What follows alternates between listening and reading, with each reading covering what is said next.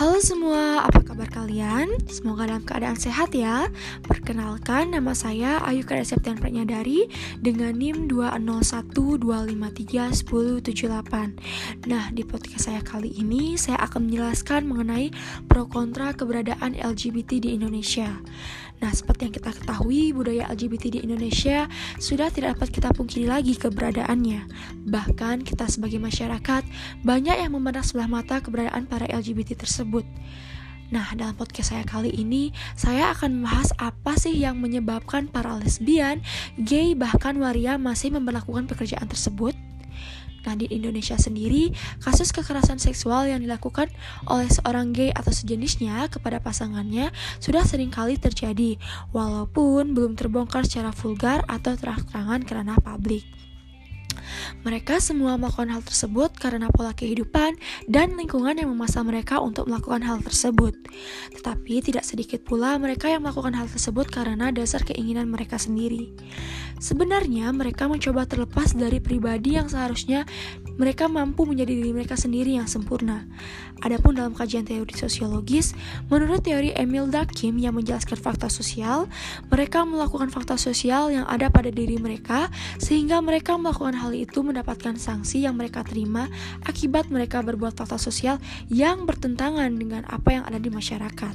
Selain itu, isu ini juga termasuk ke dalam teori seks, sexuality, and gender stratification sehingga konsekuensi yang mereka terima yaitu mendapatkan pengkucilan dan caci maki dari lingkungan mereka. Nah, kebanyakan dari kita yang memberikan sanksi tanpa melihat latar belakang yang mereka lakukan dan kita tidak berpikir bagaimana cara kita untuk merubah mereka menjadi pribadi mereka yang sesungguhnya dengan segala kekurangan dan kelebihan yang mereka terima dan dalam permasalahan bias gender yang ada dalam kehidupan yaitu dapat dikemukakan oleh Giddens yaitu yang menyatakan bahwa konsep genders itu menyangkut the psychological, social, and cultural between females and males atau perbedaan psikologis, sosial, dan budaya antara laki-laki dan perempuan. Nah, dapat kita lihat dari beberapa contoh yaitu public figure atau selebgram yaitu Ian Haugen yang di mana Ian Haugen mengaku dirinya adalah seorang perempuan. Namun kar karena kelamin biologisnya laki-laki, dalam kasus ini orientasi seks seksual Ian Haugen yang transgender adalah privasinya dan tidak siapa pun boleh mengubah hal tersebut. Karena hal tersebut masih sangat asing di, di hukum Indonesia, masih sangat bias gender sehingga beberapa orang berpendapat bahwa orang-orang tersebut adalah orang-orang yang tidak mengikuti norma sosial. Nah, oleh sebab itu, saya tidak langsung budaya-budaya orang seperti transgender tersebut atau LGBT tersebut ada dalam kehidupan kita, dan kita tidak dapat pungkiri keberadaan mereka dalam kehidupan kita.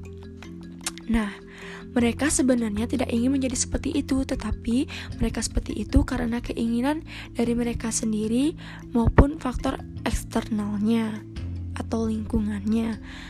Nah, kita sebagai manusia yang hidup berdampingan tentunya tidak boleh menilai hal tersebut dari sebelah mata, karena manusia diciptakan menjadi kepribadiannya masing-masing tanpa harus mendapatkan pengakuan dari orang lain. Bahkan, banyak pula transgender atau LGBT yang memiliki karya motivasi seperti Ian Haugen yang mampu memotivasi banyak orang dan patut kita apresiasi hal tersebut. Baik, sekian presentasi dari podcast saya kali ini. Semoga bermanfaat bagi banyak orang dan terima kasih sudah mendengarkan.